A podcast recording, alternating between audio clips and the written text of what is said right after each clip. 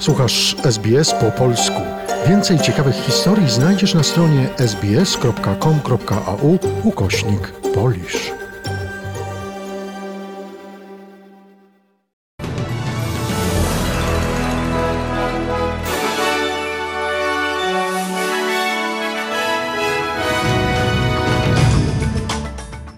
Dzień dobry, przed mikrofonem Dorota Banasiak. Zapraszam Państwa do wysłuchania przeglądu wiadomości radia SBS w czwartek 12 maja. Oto skrót najważniejszych doniesień. W Australii kontrowersje wokół byłego ministra edukacji Alana Tadża pojawiają się w ostatnich dniach federalnej kampanii wyborczej. Prezydent Ukrainy Wołodymyr Zełański podziękował prezydentowi Stanów Zjednoczonych za podpisanie ustawy Land Lease dla Ukrainy. Polska negocjuje w Parlamencie Europejskim wprowadzenie obowiązku magazynowania gazu w Unii Europejskiej. A oto szczegóły doniesień. Kontrowersje zdymisjonowanego ministra edukacji Alana Tadża wciąż pojawiają się w ostatnich dniach federalnej kampanii wyborczej. Premier Australii Scott Morrison podczas ostatniej debaty wyborczej wczoraj wieczorem powiedział, że nadal negocjowana jest ugoda w wysokości 500 tysięcy dolarów między byłą pracownicą Rachel Miller a Departamentem Finansów. Taką informację przekazał premier, pomimo tego, iż wcześniej podawano, że ugoda jest sprawą prywatną. News Limited doniósł, że Alan Touch został wielokrotnie wymieniony w korespondencji prawnej dotyczącej ugody. Chodzi konkretnie o 22-stronnicowy list. Korespondencja ta podważa twierdzenia premiera, że nie był on wtajemniczony w szczegóły ugody oraz że zostałby poinformowany o tym, gdyby sprawa dotyczyła ministra jego gabinetu. Federalny minister skarbu Josh Frydenberg oskarżył lidera opozycji Antoniego Albanisi o tworzenie na gorąco własnej polityki gospodarczej. Anthony Albanese poparł podwyżkę płacy minimalnej o 5,1%, mającej na celu utrzymanie obecnego poziomu inflacji. Lider opozycji nie obiecał jednak, że złoży taki wniosek do komisji Fair Work Commission. Josh Frydenberg jest zdania, że proponowana przez Antoniego Albanese podwyżka wywołałaby inflację. Ponadto, jak twierdzi minister skarbu, politycy Partii Pracy Jim Charles i Jason Clare są przeciwni stanowisku, jakie zajął Anthony Albanese w tej sprawie. Minister skarbu Josh Frydenberg powiedział, że sprawę należy pozostawić komisji Fair Work Commission i że Anthony Albanese nie ma pojęcia, co robi. Decyzja będzie należała do niezależnej komisji Fair Work Commission. Takie było stanowisko Partii Pracy, dopóki lider opozycji nie wymyślił czegoś nowego i nagle nie zobowiązał się do podwyżki o 5,1%. Ludzie wiedzą, że Anthony Albanese po prostu nie wie, o czym mówi. Wiedzą, że nie rozumie ekonomii ani też konsekwencji stanowiska, które zajmuje powiedział Josh Fredenberg.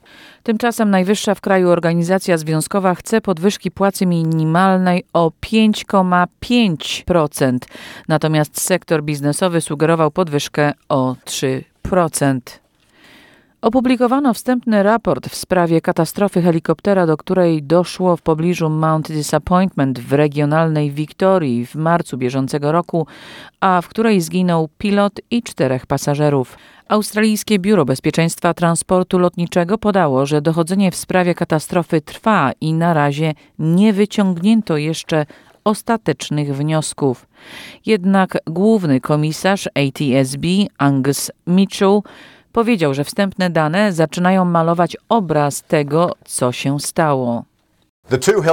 Dwa śmigłowce leciały zgodnie z przepisami dotyczącymi widoczności, to znaczy leciały opierając się na wizualnych punktach odniesienia, a nie na przyrządach mierniczych.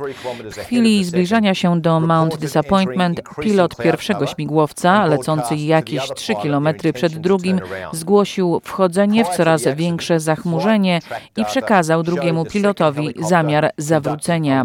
Przed wypadkiem dane z toru lotu wskazują, wskazywały na to, że drugi śmigłowiec wykonuje skręt w lewo w dół, powiedział Angus Mitchell. Synoptycy ostrzegają przed możliwością gwałtownych powodzi na terenie Queensland, wywołanych nietypowo obfitymi opadami deszczu w tym stanie. Na terenie Queensland zamknięto już 14 szkół. W południowo-wschodniej części stanu udało się uratować już ponad pięć osób po tym, jak ich samochody utknęły w podnoszących się wodach powodziowych, podały stanowe służby ratownicze. W Kabulcia na północ od Brisbane kilka osób zdołały samemu wydostać się z zalanych przez wodę pojazdów. W Imbil, w miasteczku na południowy zachód od Gympie, 50-letnia kobieta również uratowała się po tym, jak jej samochód utknął w wodzie. W pobliżu Mackay w północnym Queensland w wodach powodziowych zginęła 30-letnia kobieta. W wypadku samochodowym zginął wicepremier Papui Nowej Gwinei Sam Basil. Komisarz policji David Manning podał, że samochód, którym podróżował wicepremier, rozbił się na Lee Bulolo Highway minionej nocy. Policja rozpoczęła dochodzenie i podała, że jeszcze inny, drugi samochód był częścią kolizji. Prezydent Ukrainy Wołodymyr Zełański powiedział, że jest osobiście wdzięczny prezydentowi Stanów Zjednoczonych za podpisanie ustawy Land Lease dla Ukrainy. Dokument został podpisany 9 maja w rocznicę zakończenia II wojny światowej. W swoim codziennym wystąpieniu ukraiński prezydent podkreślił, że walka z rosyjską inwazją jest walką z tyranią zagrażającą całemu światu. Kilka dni temu Joe Biden podpisał ustawę Land-Lease dla Ukrainy o wartości 33 miliardów dolarów. Uchwalone przez Kongres w ubiegłym miesiącu prawo pozwoli na szybszy transfer pomocy militarnej i finansowej walczącej z rosyjską agresją Ukrainie. Obowiązkowe magazynowanie gazu w Unii Europejskiej to gwarancje bezpieczeństwa energetycznego, podkreślają polscy europosłowie. Negocjacje przedstawicieli unijnych krajów i Parlamentu Europejskiego dotyczące przepisów w tej sprawie rozpoczną się w najbliższy poniedziałek. Dzisiaj mandat do rokowań przyjęły państwa członkowskie. W Europarlamencie na czele grupy negocjacyjnej stoi były premier Jerzy Buzek. Pojemność magazynów w Unii Europejskiej to jest około 150 miliardów metrów sześciennych. Jak je napełnimy, to będziemy mieli 2-3 miesiące, właściwie połowę zimy, nawet bez jakichkolwiek dostaw z zewnątrz. To jest nadzwyczajne bezpieczeństwo, jeśli rzeczywiście je zapełnimy, a jestem przekonany, że tak się stanie. Zapełnimy magazyny do 1 listopada tego roku. Doniesienia walutowe w dniu dzisiejszym dolar australijski wymieniany jest na 69 centów amerykańskich. W porównaniu do złotego warty jest 3 zł i 7 groszy. Dziennik Radia SBS opracowała i czytała Dorota Banasiak.